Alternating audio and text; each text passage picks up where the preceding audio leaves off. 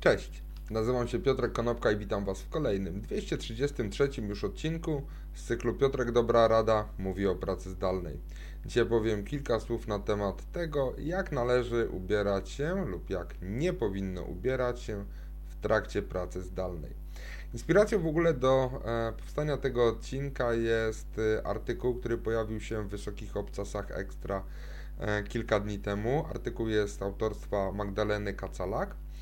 I y, autorka pisze w tym artykule, że kiedy pisze właśnie ten artykuł, siedzi y, w bluzie polskiej marki i mniej więcej 15-letnich spodniach dresowych, y, które są pokryte kocią sierścią i przypuszczam, że wielu z nas może się identyfikować z autorką. Natomiast pojawiają się tam mm, w tym tekście bardzo ciekawe sformułowania. Przede wszystkim tak.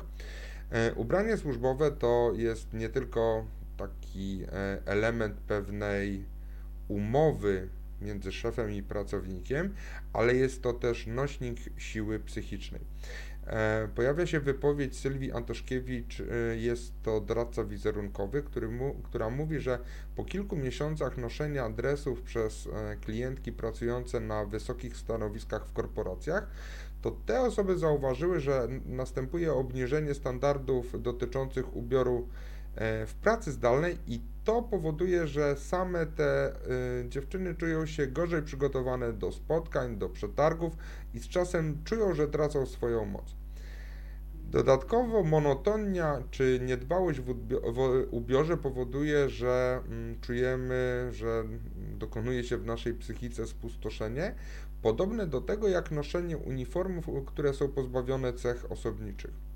Adam Czorn jest to dziennikarz LA Times, już w kwietniu zeszłego roku mówił, że następuje upadek obyczajów i zagłada wzajemnego szacunku, właśnie związana z tym, że rozluźniamy swoje przyzwyczajenia dotyczące stroju w trakcie pracy zdalnej.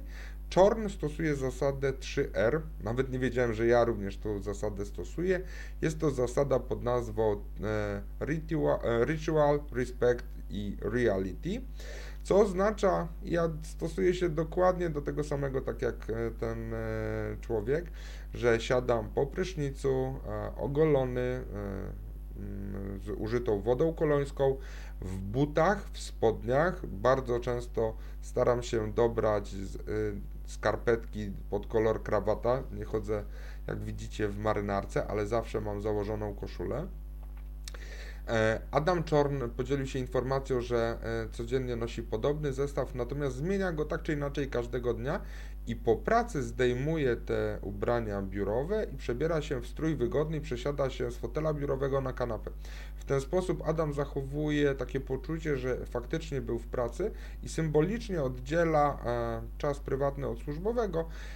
I to jest to, co ja nazywam mentalnym wyjściem i mentalnym przyjściem w pracy. Rozciągnięte w pasie spodnie e, dresowe mogą być pierwszym krokiem do stanów depresyjnych i poczucia po prostu, że się nie ogarnia tej rzeczywistości.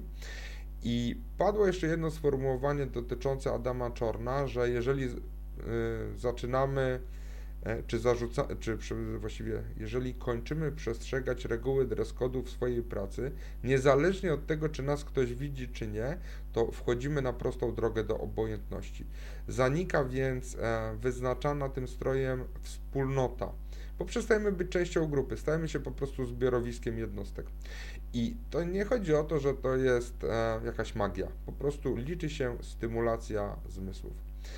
I na sam koniec autorka, czyli e, Magdalena Kacalak, powiedziała, że ma koleżankę Justynę, która siada do e, śniadania w kimonie, po czym przebiera się do komputera do pracy w inne powłóczyste szaty, a na koniec dnia zakłada ciepłą flanelową piżamę, bo chodzi o zmianę, chodzi o podział stref czasowych w ciągu dnia, o porządek w głowie i higienę psychiczną. Nie chodzi wcale o bycie modną w trendach czy posiadanie nowości. Dzięki serdeczne, do zobaczenia i usłyszenia jutro. Na razie.